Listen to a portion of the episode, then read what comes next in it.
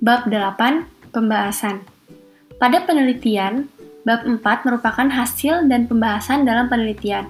Oleh karena dalam bagian ini akan menjawab poin-poin dalam rumusan masalah yang sudah ditentukan di bagian bab 1 pendahuluan, secara umum dalam bab 4 berisikan beberapa hal pokok, antara lain.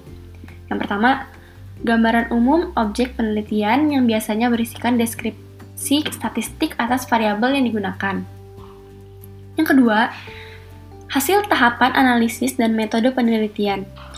Yang ketiga, deskripsi statistik atau ekonometrik atas model penelitian.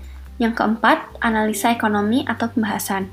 Oleh karena dalam penulisan bab 4 akan banyak menggunakan visualisasi berupa grafik, tabel, dan flowchart, maka penulis harus mampu menyajikan informasi tersebut dengan baik dengan mempertimbangkan beberapa aspek penting, antara lain grafik, Buatlah grafik sesederhana mungkin dengan pilihan ukuran font yang dapat dilihat dengan baik oleh reader.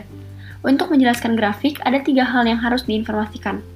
Pertama, judul grafik secara lengkap, tren grafik secara umum, dan informasi spesifik.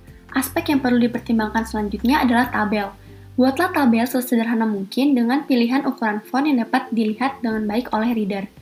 Dan untuk menjelaskan tabel, ada tiga hal yang harus diinformasikan yaitu judul tabel secara lengkap, tren tabel secara umum, dan informasi spesifik.